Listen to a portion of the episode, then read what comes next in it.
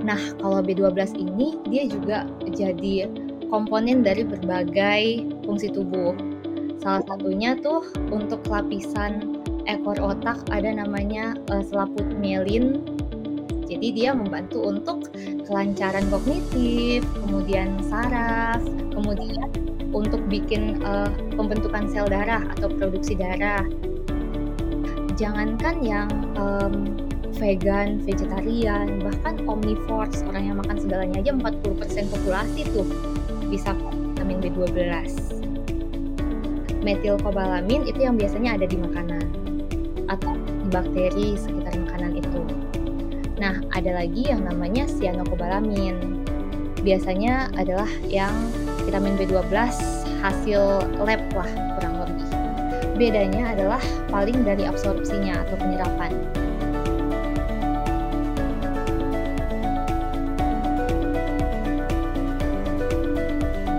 Halo semuanya, selamat datang lagi di podcast Sehat Seutuhnya season yang kedua bersama saya Willy Yonas. Di episode podcast kali ini kita bakal menjawab pertanyaan atau apa ya, ngebahas pertanyaan-pertanyaan orang-orang yang biasanya miliki ketika mereka mau transisi ke pola makan plant-based diet atau pola makan nabati. Salah satu pertanyaannya bukan cuma protein, uh, ya itu kan paling sering lah ya ditanya gitu kan. Nanti makan sayur buah dong proteinnya dapat dari mana nih? Cuman yang bakal kita bahas yang jadi concern banyak orang atau pertanyaan juga adalah kita dapat cukup vitamin B12 atau enggak? Nah kita akan langsung ngobrol dengan narasumber kita. Seorang ahli gizi tamat dari Adventist University di Philippines. Terus ambil profesinya itu ya supaya dapat ardi di Indonesia. Itu di Universitas Brawijaya Malang. Lalu sekarang lagi kerja di perusahaan Hallmask nanti perusahaan apa nanti mungkin bisa cerita narasumber kita uh, manajer dari Triple H Catering juga dan juga lagi bantu di Rumah Sakit Advent Manado. Jadi tanpa menunda-nunda waktu saya mau welcome Kak Ellen Supit RD. Halo Kak Ellen. Halo Lili. Gimana nice kabarnya? Luar biasa. Gimana tadi kita sempat-sempat ngobrol uh, sebelum mulai podcast ternyata kita terakhir meet in person ketemu in person itu 2013 jadi yeah. udah lama banget gak ketemu Kak Ellen. Yes. gimana kak? Time flies will. Time flies. That's true dan. Here we go. 9 tahun kemudian kita rekaman podcast. Gimana di Manado kak? Kabarnya kak Um, luar biasa, puji Tuhan masih sehat semuanya, walaupun cases naik ya. Hmm. Terus uh, COVID di sini mulai naik-naik lagi, tapi puji Tuhan masih lancar lah semuanya. Masih aman ya? Yes. Oke. Okay. Mantap. Nah ini kalian hari ini kita bakal ngobrolin soal vitamin uh, eh, B12 gitu kan. Uh, Tapi oh iya sebelum sebelum ke situ gitu, uh, aku pengen nanya dong kayak apa sih yang menyebabkan Kak Ellen ini pengen pengen kuliah gizi gitu? Apa yang menarik menarik soal gizi? Good question. Nah, jadi uh, sebenarnya aku pas mau ambil kuliah ya, aku bingung mau ambil apa kan. Mm-hmm. Terus uh, papa bilang waktu itu take your time, kamu nggak nggak mesti langsung ambil kan? Karena hmm. waktu SMA masih belum tahu. Ini cuma tahu kayak perawat, dokter, polisi, guru gitu-gitu kan ya. Yeah. Nah, terus abis itu akhirnya uh, I join uh, wellness center training gitu uh, medical hmm. missionary training kan di Einen terus aku lihat salah satu yang aku paling suka itu pas mereka ngajarin tentang gizi wah hmm. banget itu ternyata berpengaruh banyak banget ya gitu terus akhirnya aku dapat kesempatan kerja di klub sehat itu belum kuliah ya jadi okay. kerja di Jakarta terus aku lihat ih orang ternyata butuh banget tentang pedoman makanan dan kalau dokter mungkin waktu dulu zamannya aku tuh nggak bisa nyentuh makanan kan, cuman terapi uh, medis, pengobatan gitu. Hmm.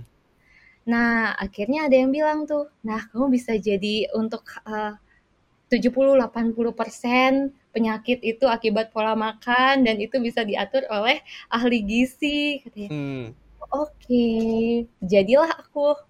Akhirnya kayaknya setelah tiga tahun vakum kuliah eh, vakum, uh, dari SMA mau kuliah, kayaknya hmm. aku ahli gizi deh gitu. Oke, akhirnya jadi ngambil gizi. Nyesal gak nih? Enggak kok, kesempatannya banyak banget, luas ternyata. Oke, seru banget. Nah, ini buat teman-teman mungkin yang nggak tahu, uh, tadi sempat uh, mention juga, Kak Ellen sempat mention uh, papa ya. Uh, papanya yeah. Kak Ellen ini sekarang lagi jadi direktur Rumah Sakit Advent Manado. Jadi lingkungannya medis banget nih kayaknya dari kecil ya. Allah ya, gitulah ya.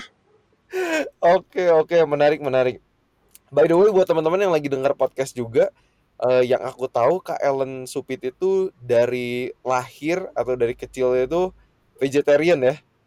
Ya, betul. Aku generasi hitungannya generasi ketiga vegetarian ya, berarti. Wow, oke. Okay. Jadi dari kakek itu udah vegetarian? Yes, betul. Dari kakek ke uh, papa, baru ke aku dan adik. Oke, ini ini gokil sih kayak karena maksudnya kalau ngomong kakeknya Kak Ellen gitu kan ini tahun tahun Zaman berapa tuh lahir ya? Ya, uh, maksudnya ya lahirnya tahun 30-an mungkin ya. Wow. Dan maksudnya jadi vegetarian di era di mana nggak common sama sekali gitu. Iya, sama sekali enggak.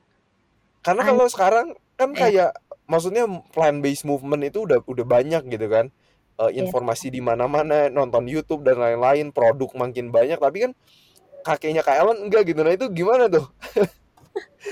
ya, jadi itulah kebetulan Opa waktu itu kan uh, ambil dokter, mau ambil dokter di Filipina.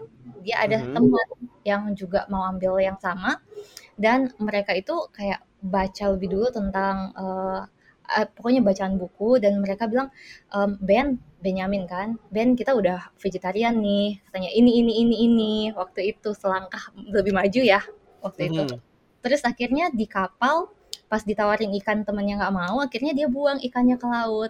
Oke okay, bye. Aku juga nggak mau deh makan kamu katanya gitu. Yang tadinya orang Manado kan pemakan segalanya ular lah apalah hmm. dimakan kan kucing segala macam. Akhirnya di situ langsung jadi vegetarian. Wow. Itu itu menarik banget ceritanya. Tapi ini juga nunjukin kayak apa ya? Ya maksudnya orang Manado kan terkenal pemakan segala makan daging banyak lah ya it's yeah. not impossible for them to become vegetarian gitu kan atau plant based bisa. Bisa jadi emang benar-benar ini ya saat tahu alasannya apa makanya penting buat edukasi buat memperkaya hmm. otak pikiran kita ilmunya.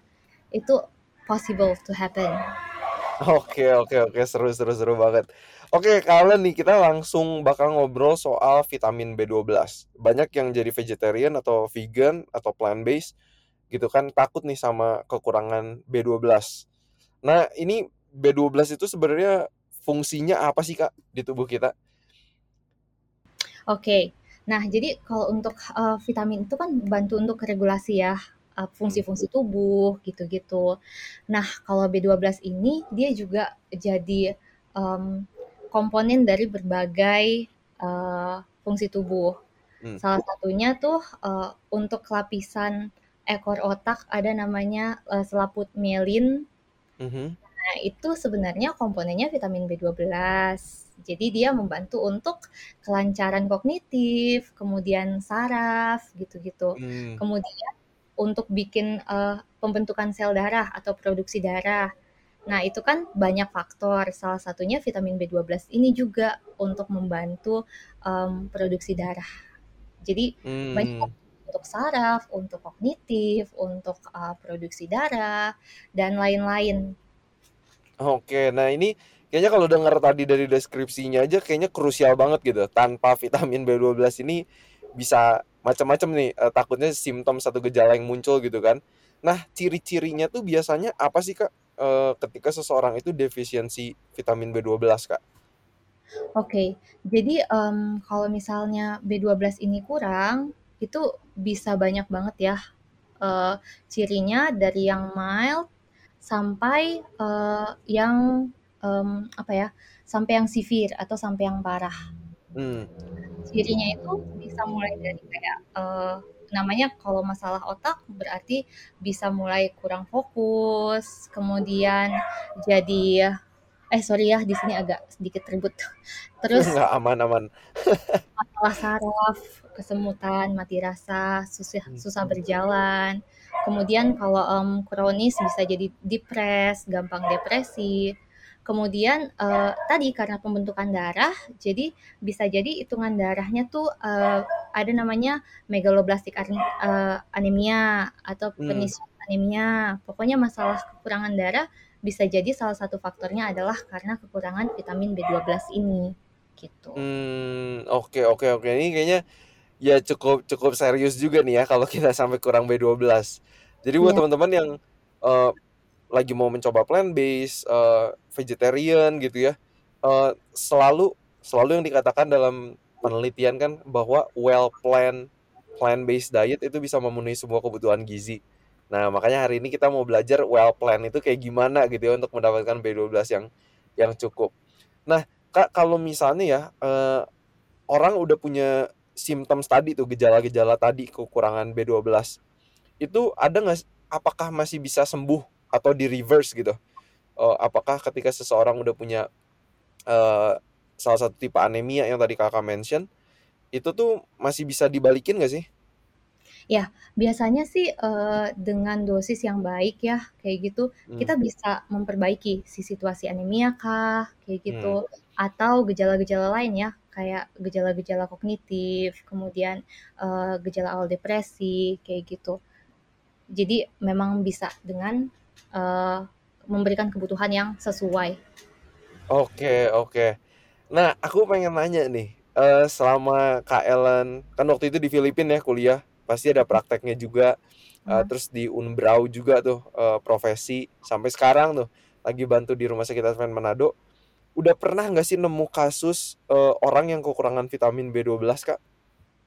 Nah, kalau sebenarnya ini ya, karena dia tuh kita sempat ngobrol tadi, itu cukup mahal untuk, uh, cek defisiensi B12 ini, gitu ya. Hmm. Jadi sebenarnya kayaknya banyak, bahkan penelitian tuh bilang bahwa jangankan yang, um, vegan, vegetarian, bahkan omnivores, orang yang makan segalanya aja 40% populasi tuh bisa hmm. vitamin B12 kalau ada ada sih aku punya temen uh, yang emang I can closely uh, benar-benar monitor ya hmm. itu temen aku yang berarti sekarang udah empat tahun vegan gitu okay.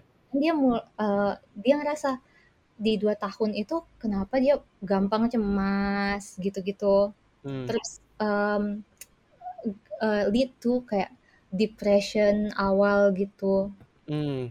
nggak susah fokus Oke. Itu itu sih yang aku bisa, um, lihat ya. Selain dari di rumah sakit pastinya ada juga yang, um, megaloblastik anemia, pernicious anemia gitu kan kelihatan juga. Hmm. Ada juga. Oke.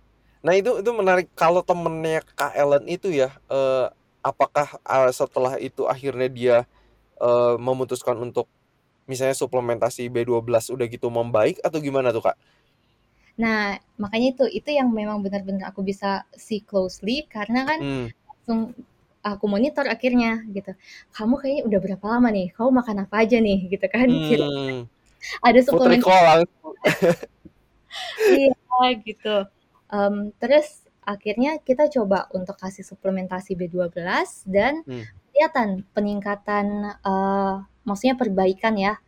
Kayak dia jadi nggak gampang cemas lagi, waktu hmm. itu pas awal-awal zaman um, uh, pas kerjaan ada masalah gitu-gitu biasanya gampang cemas nggak fokus tapi setelah itu eh udah enggak gitu I become myself hmm. again katanya gitu jadi well I can see the progress gitu Oke, wow itu itu cukup menarik. Aku sendiri soalnya di lingkungan aku, aku belum pernah ketemu ya sama orang yang mungkin vegan uh, tapi udah gitu mengalami uh, yang yang kayak Kailan tadi uh, jabarin gitu.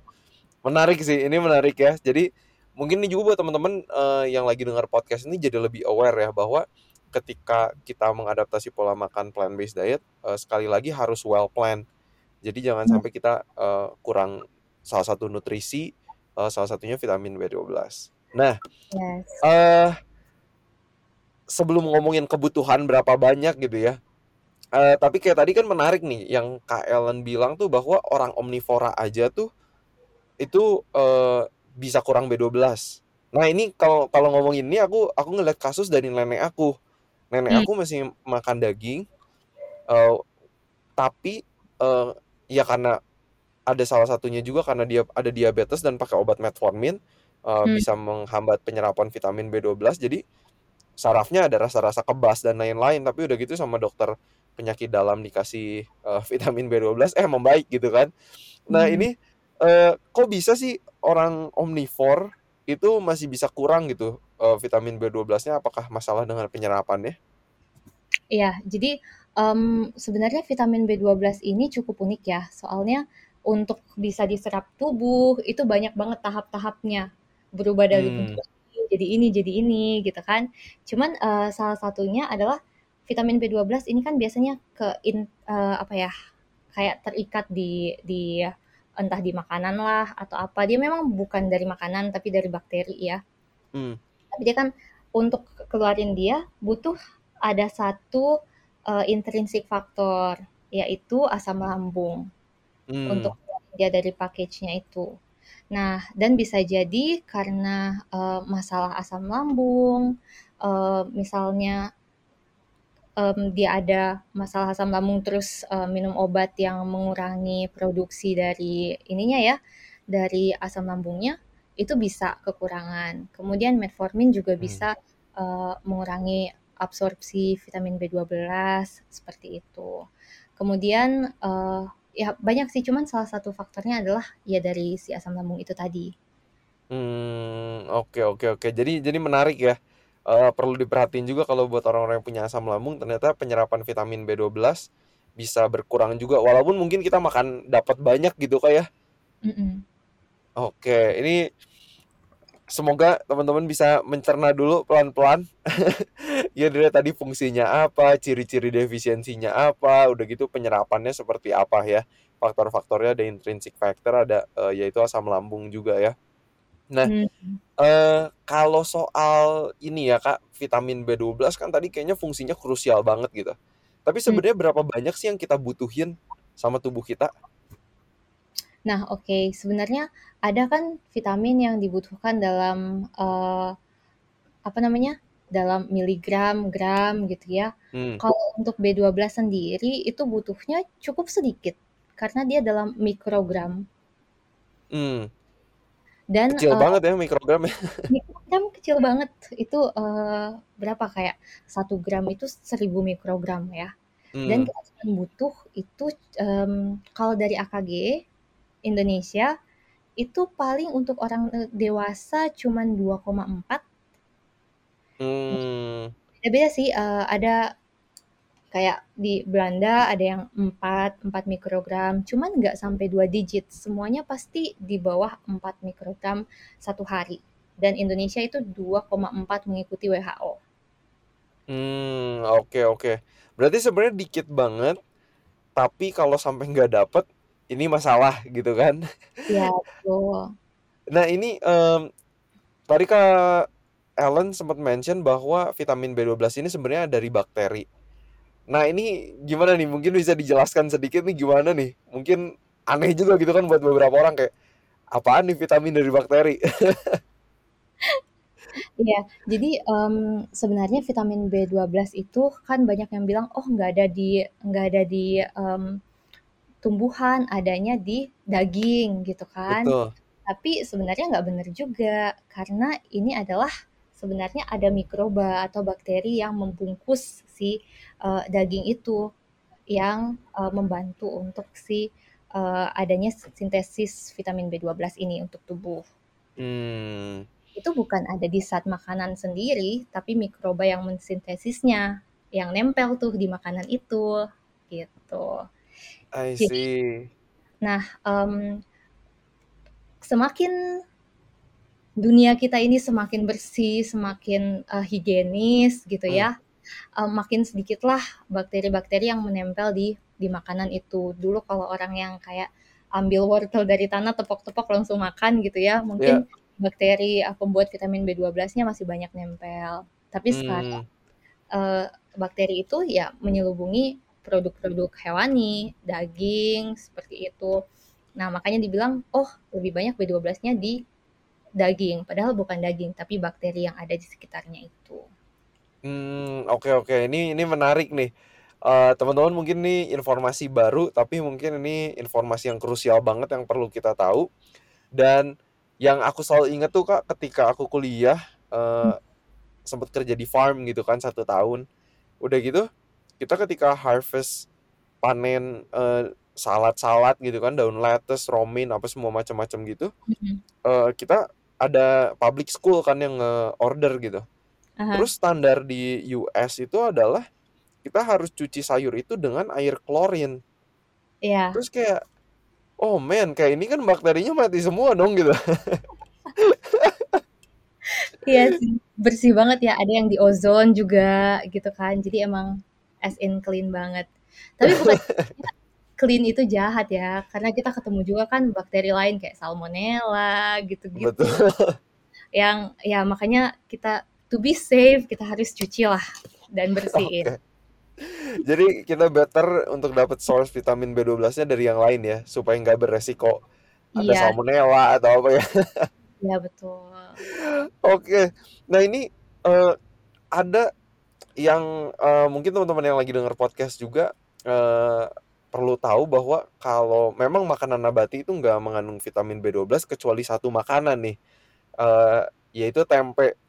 Kayaknya unik banget gitu kan, unik ke Indonesia terus mengandung B12. Nah ini kak, mungkin boleh diceritain nggak nih kayak B12 di tempe tuh berapa banyak sih sebenarnya yang kita tahu ya?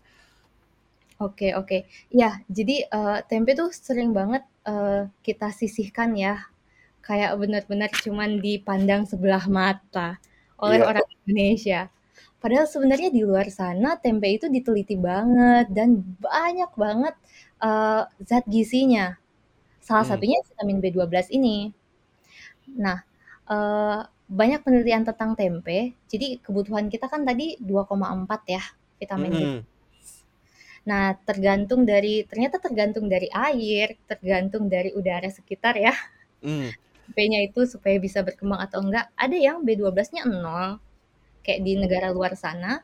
Tapi kalau yang di Indonesia itu diteliti kurang lebih ada 0,3 sampai 2,4 mikrogram B12 per 100 gram tempe.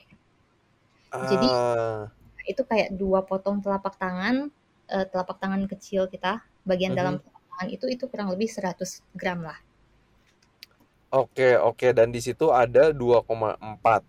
Ya Heeh. sampai ya 0,03 sampai 2 ko eh 0,3 ya, 0,3 sampai 2,4 ya?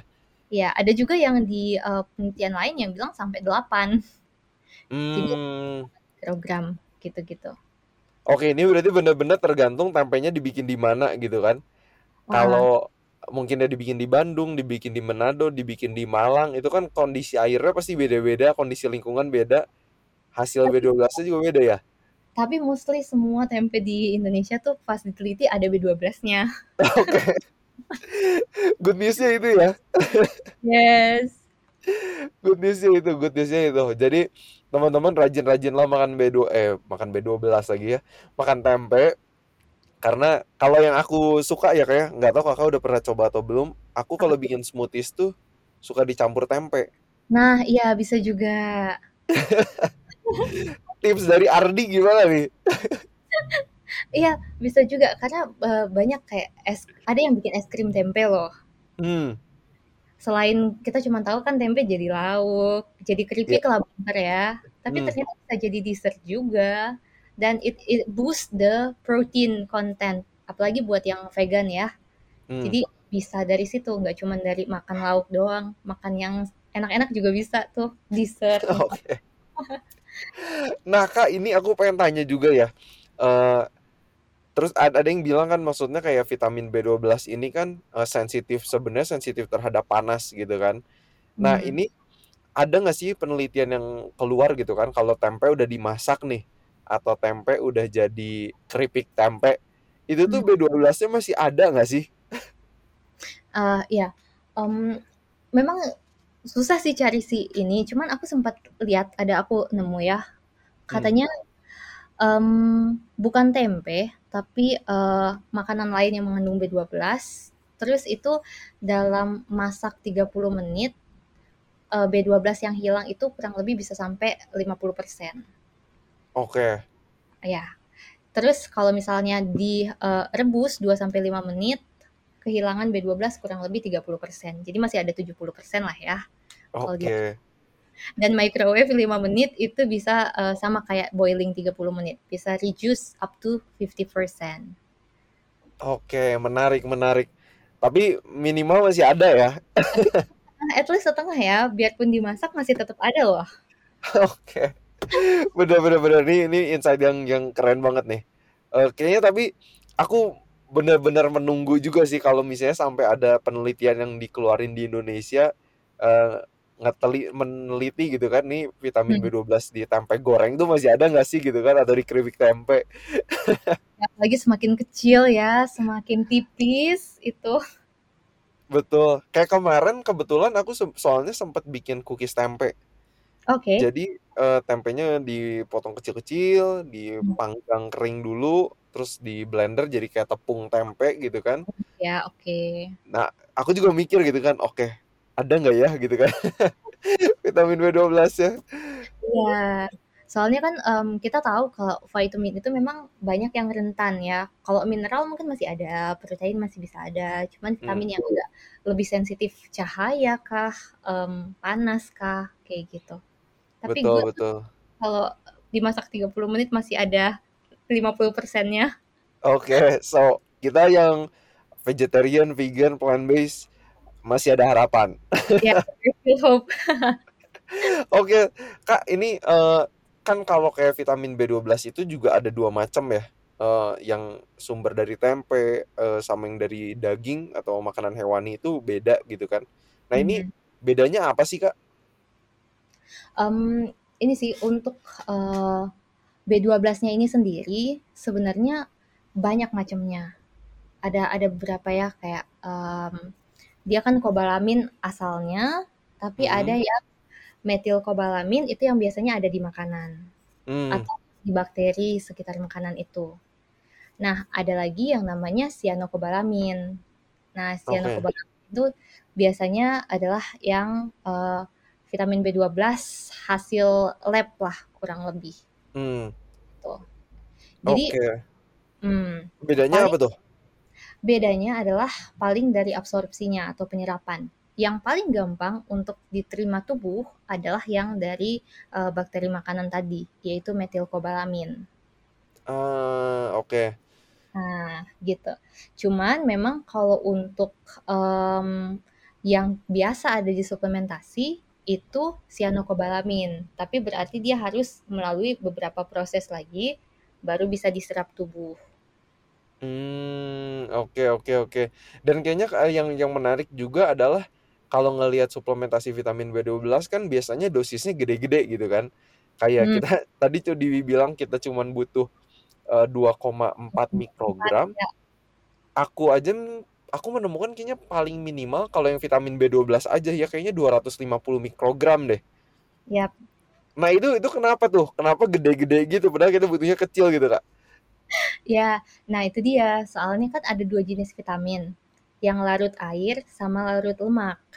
Hmm. Kalau lemak kita nggak perlu banyak karena dia uh, untuk tersimpan semua di tubuh.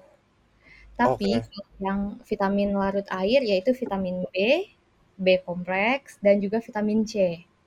Nah, hmm. maka uh, kita biasanya minum banyak atau konsumsi banyak dalam jumlah besar dengan uh, tujuan kalau misalnya ini kan larut air nih, pasti kita akan uh, buang air kecil setiap hari mm-hmm. gitu, bisa kemungkinan besar terbuang, bahkan eksesnya itu gampang banget kebuang.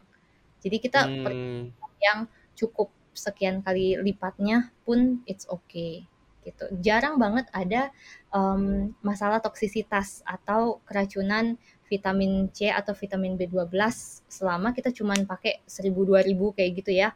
Hmm. Ya, sampai ada penelitian yang 25.000 mikrogram uh. dalam 10 hari itu dilihat uh, belum ada toksisitas dari vitamin B12-nya. Oke. Okay. Air. Tapi kita nggak rekomend sebanyak itu. Oke, tapi sampai 25.000 aja nggak ada toksisitasnya. Iya, dalam penelitian itu nggak nggak di nggak kelihatan ada toksisitas untuk sekian banyak orang itu. Oke. Nah ini Kak, mungkin untuk, eee, yang lagi denger podcast ini mungkin ada yang vegetarian, plant-based, eee, atau vegan, atau yang lagi mau mencoba gitu kan. Mhm. Mmm, ini sarannya gimana sih kira-kira untuk kita tuh bisa dapet vitamin B12 yang cukup mungkin dari dari sisi makanan, makanan asli sama suplementasi itu sarannya gimana, Kak? Oke. Nah, eee, di makanan kan ada beberapa inilah, masih debatable, tapi salah Mmm. satunya tadi dari tempe. Dari tempe kita bisa dapat konsumsi cukup. Mmm. Kemudian, eee, ada juga, mmm, yang bilang dari seaweed atau mushroom gitu-gitu. Mmm. Cuman paling amannya karena 40%, eee, omnivores yang makan segalanya aja bisa kekurangan gitu ya. Iya. Jadi memang kita kalau udah vegan, kita tetap saranin kamu mungkin 50 mikrogram suplementasi per hari gitu ya, atau Oke. 2000, eee, mikrogram B12 seminggu. Mmm. Atau kamu bisa dapat dari, eee, jumlah kecil tapi dari fortified foods. Jadi Mmm. itu makanan-makanan yang diperkaya dengan vitamin B12. Sebenarnya, eee, vitamin B12 sendiri kalau kita lihat cukup murah kok di untuk suplemennya ya. Mmm. Makanya fortifikasi B12 di makanan itu juga sebenarnya tidak mempengaruhi, eee, biaya produksi secara besar gitu ya. Jadi sebenarnya bisa banget ditambahin. Dan sekarang udah banyak banget di, eee, entah breakfast cereal, di roti, di tepung, eee, bahkan ada yang di, mmm, ini, pasta gigi. Karena vitamin Ah. kan katanya ini ya, perlu masuk ke lambung dulu untuk dapet ini, baru diserap. Dibandingkan langsung disuntik di darah, itu kan lebih kurang efektif ya dibandingkan Mmm. oral. Jadi Oh. bahkan ada sampai segitunya. Menarik sih ini. Jadi kalau kalau odolnya yang ada ada B12-nya itu di ditelan aja ya? Nggak tahu deh, mungkin sisa-sisanya kan biasanya ada ke kan. Iya iya iya iya. Nah ini, eee, teman-teman nanti mungkin yang yang belum aware soal fortifikasi, eee, makanan-makanan yang ditambahin vitamin B12-nya, nanti kalau ke supermarket ngeliatin label ya, Iya. eee, informasi nilai gizinya diliatin. Karena sekarang yang aku kayaknya sejak ya belajar, eee, gizi gitu kan, ke supermarket tuh paling seneng juga ya. merhatiin label gitu kan. Iya iya iya. Terus jadi ngelihat, oh misalnya, oh susu kedelai merek ini, oh ada fortifikasi B12-nya, ada yang Mhm. enggak gitu. Jadi kita jadi jadi lebih aware aja gitu, eee, dengan membeli sebuah produk juga, oh oh ini ada nih vitamin B12-nya.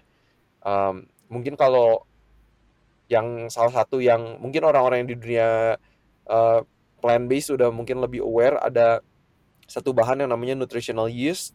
Yap. Itu juga salah satu yang suka ditambah vitamin B12, eee, kalau mau bikin mac and cheese yang vegan gitu kan, nah ini harus ada nutritional yeast nih.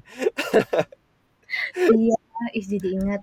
Iya, jadi nutritional yeast juga salah satu sumber ya, yang kamu bisa dapat untuk vegan people especially. Mmm. Dia selain memang, eee, vitamin B12-nya ada, tap juga cheesy, mmm, taste-nya itu kita biasa pakai buat masakan kan. Ada banyak, Iya. per merek itu kadang-kadang beda-beda vitamin B12-nya, jadi setuju yang Willy bilang, coba lihat di label belakangnya aja gitu. Mmm. Nah dia itu biasanya, eee, B12-nya beda-beda tiap merek, tapi mungkin 1 sendok makan ada yang bahkan itu 17/3, berarti sekitar 5, 5 koma sekian mikrogram vitamin B12. Yang mana itu Wow. dong untuk 1 hari gitu, 1 sendok makan ya. Wow, itu itu cukup banget ya. Iya. Keren keren keren keren. Kak, tadi kalau soal yang suplementasi tadi disaraninnya 50 mikrogram per hari ya? Kalau ininya harian ya? Mhm. Oke. Dan ini nggak nggak mahal, eee, teman-teman juga kalau yang yang, eee, vegan ya especially ya, eee, perlu suplementasi vitamin dua bela 12 tinggal ke e-commerce, cari, eee, gampang banget dapatnya. Kak, Iya. kalau misalnya kan banyak juga maksudnya, eee, aku juga perhatiin ya orang-orang yang, eee, yang omnivore yang maksudnya masih makan hewani juga, itu, eee, suka minum vitamin, eee, B kompleks gitu. Nah, kalau itu jadi B12-nya ada di gabungan vitamin-vitamin yang lain sebenarnya penyerapannya sama efektifnya nggak sih? Nah, eee, kalau misalnya dari beberapa penelitian ya, ada yang bilang bahkan kalau dia udah tergabung dengan, mmm, vitamin-vitamin lain, itu suka ada anti penyerapannya malahan. Hmm. Eee, jadi penyerapannya jadi nggak maksimal, kayak gitu. Jadi memang lebih baik kalau misalnya mau B12, aku lebih saranin B12-nya aja sih. Hmm, oke oke oke. Nah, kalau misalnya, eee, sekalian nanya ya, yap. eee, ini kan kalau vitamin B yang lain gitu kan ada B1, B2, B6, eee, itu sebenarnya jadi concern yang perlu suplementasi nggak sih? Atau sebenarnya yang lain itu gampang banget sebenarnya untuk dapat dari dari sayur-sayuran, buah-buahan, kacang-kacangan, biji-bijian gitu? Ya, mmm, sebenarnya kalau vitamin B yang lain, itu kamu bisa banget dapat dari, eee, whole food, whole Hmm. grains, karena di brand-nya itu atau di, mmm, apa, kulit arinya si padi-padian, Hmm. itu tinggi vitamin B yang lain, B1, B3, Hmm. gitu-gitu. Jadi yang masalah adalah bagi mereka yang makannya refined, semuanya putih gitu. Tepung putih, nasi putih gitu ya, Hmm. gula putih. Nah, tapi kalau kamu misalnya makan yang whole food, misalnya nasinya merah, hitam, atau coklat, itu kan masih ada kulit arinya ya. Iya. Ya cuman pecah kulit doang namanya. Nah, itu Hmm. sebenarnya kamu masih bisa dapat vitamin B yang lain atau gandum utuh, oats, Hmm. atau misalnya kamu dapat dari, mmm, ya banyaklah buah-buahan yang lain juga ada vitamin B-nya. Oke. Dan kayaknya kalau, eee, B6 ya kalau yang waktu itu sempet jadi, eee, apa, concern di US yang takutnya, eh, jadi menyebabkan spina bifida ya? Yah. Kalau itu itu dia udah difortifikasi kayak di banyak makanan banget ya kayaknya ya kalau B6 ya? Yah, eee, mostly itu banyak banget fortifikasi vitamin B6 juga. Mmm, oke oke oke. Jadi susu, mmm, tepung, gitu juga ada. Oke, mantap mantap. Jadi, eee, buat teman-teman kalau yang kita plant based, kita banyak makan tadi ya dibilangnya whole grains, yang masih ada kulit arinya kalau makan nasi, kalau bisa ya nasi merah, nasi, eee, hitam, pra eee, pecah kulit gitu kan, supaya kita dapat vitamin B yang lainnya juga. Jadi kalau yang butuh suplementasi, kita hanya butuh vitamin B12 ya, supaya penyerapannya juga maksimal. Wah, Mhm. ini keren banget nih, eee, informasi yang udah kita dapat. Teman-teman semoga boleh mencatat, di-share ke teman-teman ya kalau misalnya teman-temannya juga ada yang, eee, ada vegetarian, ada vegan, ada plant based, eee, yang supaya lebih aware ya soal vitamin B12 ini. Kak Ellen, soal B12 kira-kira ada yang mau ditambahin lagi nggak?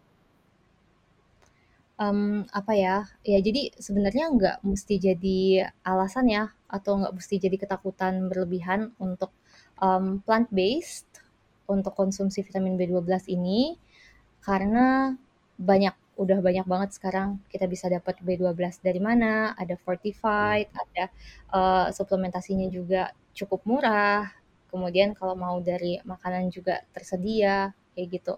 Paling memang, eee, pinter-pinter untuk mengatur pola makan kita aja. Dan pastinya kita kalau mau jadi plant based, bukan cuman plant based, tapi a healthy plant based gitu. Jadi Mmm. yang kayak tadi, whole food, plant based, jangan refined atau, eee, processed food plant based, itu sih. Bener bener banget. Karena ini kita perlu hati-hati juga teman ma teman-teman, eee, ini kan plant based movement nih lagi lagi lagi marak gitu ya. Eee, banyak Mhm. yang bikin produk-produk maksudnya keren sih inovasi-inovasi yang mereka bikin gitu, cuman jangan sampai kita juga jatuh ke hole kayak, ini makanannya jadi yang junk food plant based semua gitu kan. Makanan Betul. yang ultra processed, eee, ya pakai tepung putih dan lain-lain walaupun vegan cuman, eee, bukan yang terbaik ya buat buat kesehatan. Jadi ini tips dari Kak Ellen nih. Ada lagi, Kak? Apa ya, mmm, paling itu aja sih dan pastinya kita sokong produk-produk lokal kita ya. Kita nggak mesti Yes. cari semuanya dari uh, import luar.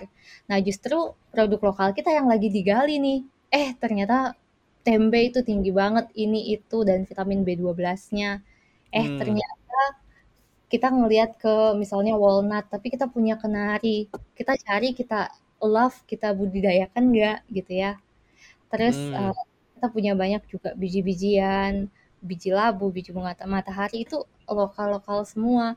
Kita punya banyak sayuran kayak sayur kayak daun kelor atau Hmm. namanya uh, malunggay gitu ya, moringa. Itu yang sebenarnya kita kaya banget Indonesia tuh tanam apa, lempar apa, tumbuh gitu ya. so true. Bener-bener banget. Kayak waktu itu sempat uh, aku sempat uh, rekaman podcast juga sama Prof Winarno.